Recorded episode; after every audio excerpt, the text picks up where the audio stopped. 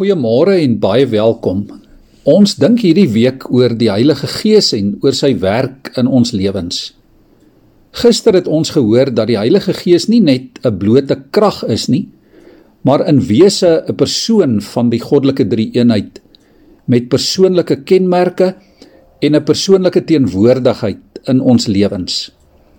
In Efesiërs 5 vers 18 kry ons hierdie opdrag: Laat die Gees julle vervul en sing onder mekaar sing met julle hele hart tot eer van die Here en dank God die Vader altyd oor alles in die naam van ons Here Jesus Christus. Die belangrike liewe vriende is dat jy en ek bewustelik die keuse vir die Heilige Gees sal maak. Dat jy sal toelaat bewustelik dat die Gees jou vervul.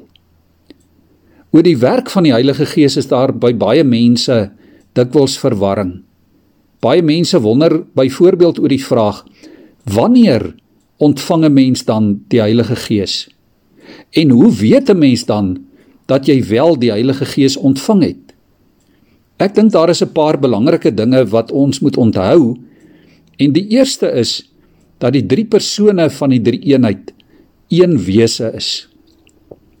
Dit beteken onder andere dat as jy Jesus ontvang het, as jy in hom glo, en hy is deel van jou lewe, dan het jy terselfdertyd ook die Vader en ook die Gees ontvang.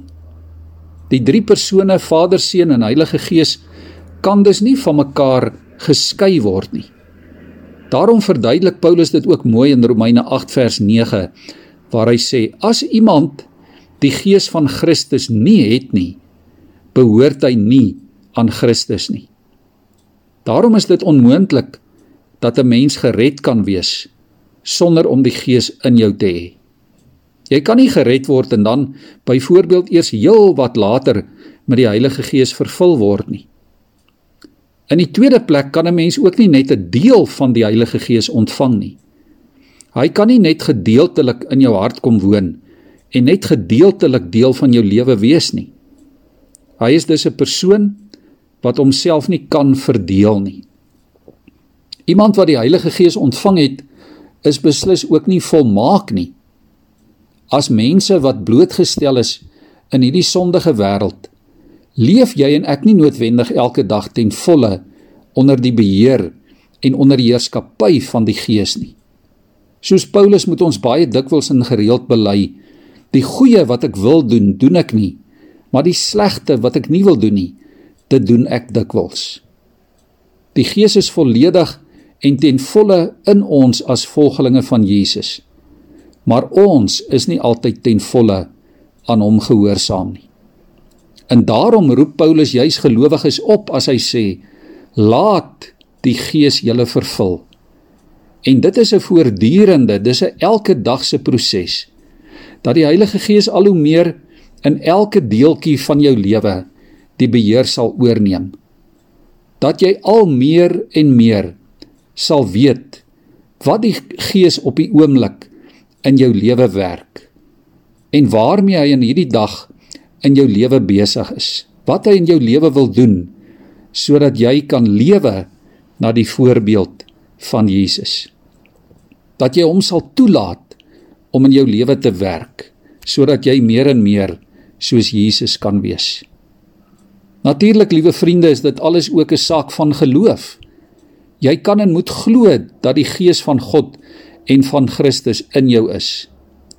Gee jouself aan hom. Glo dat hy jou vervul en leef dan soos iemand wat dit weet. Kom ons bid saam. Gees van God wat in my woon, kom en heilig my.